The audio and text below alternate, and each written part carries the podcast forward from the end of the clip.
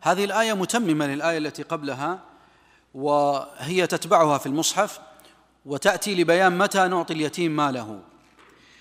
أولا يجب الحكم الأول المستنبط من هذه الآية وجوب اختبار اليتيم. وجوب اختبار اليتيم قبل إعطائه المال. وجوب اختبار اليتيم قبل إعطائه المال. فإذا كان عندك يتيم وأنت تحفظ ماله لا يجوز لا يجوز أن تعطيه ماله حتى لو طلبه إلا بعد أن تختبره إلا بعد أن تختبره. كيف تختبره؟ تعطيه جزء من المال وتنظر كيف يتصرف تنظر كيف يتصرف. المسألة الثانية هي شروط شروط إعطاء المال لليتيم شرطان. الشرط الأول هو البلوغ والشرط الثاني هو الرشد. إذا لابد لابد لليتيم حتى يأخذ ماله أن يكون بالغا وأن يكون راشدا وأن يكون راشدا. فلو كان بالغا ولم يرشد هل يجوز أن نعطيه؟ لا. ولو رشد بمعنى أنه أحسن التصرف مبكرا قبل أن يبلغ فإنه أيضا لا يجوز لنا أن نعطيه. وعلامات البلوغ معروفة ومقررة في كتب آه، الفقهاء. أيضا الحكم الثالث المذكور في قوله تعالى ولا تأكلوها إسرافا وبدارا أن يكبروا تحريم الأكل من مال اليتيم. تحريم الأكل من مال اليتيم. ومعنى وبدارا أن يكبروا يعني لا تستعجلوا وتأكلوا من أموالهم خوفة أن يكبروا ويأخذوا المال. لأن بعض الأوصياء وهذا كثير في المجتمع وللأسف بعض الأوصياء أن يكون وصي على على يتيم فيأخذ من مال اليتيم حتى إذا كبر اليتيم لا يجد عنده شيئا لا يجد لديه شيء. وهذا من أكبر الظلم.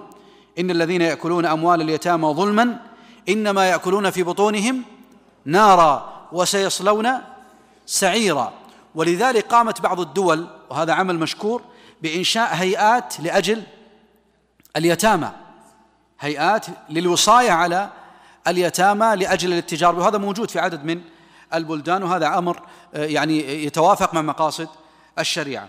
إذا الحكم الثالث هو تحريم أكل أموال اليتامى. هل هذا على الإطلاق؟ هل على الإطلاق لا يجوز لنا أن نأخذ من أموال اليتامى؟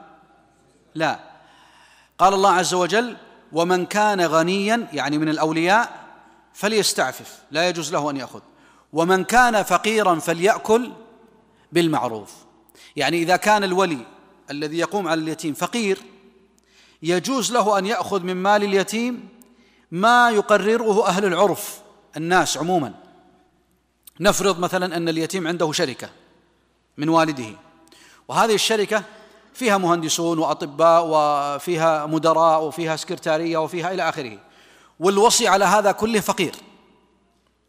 عمه مثلا هو الوصي وهو فقير. فهل يجوز له أن يأخذ من أموال الشركة شيء أو لا؟ يجوز يجتمع مع آه، الأقارب أو مع الشركة ويقدرون له كم يأخذ. يقولون أنت تستحق أن تأخذ مثلا كل شهر خمسة آلاف أو عشرة آلاف لأنك تحمي مال اليتيم من السرقة وغيرها. واضح؟ أما إذا كان غنيا فإنه لا يجوز له أن يأخذ شيئا.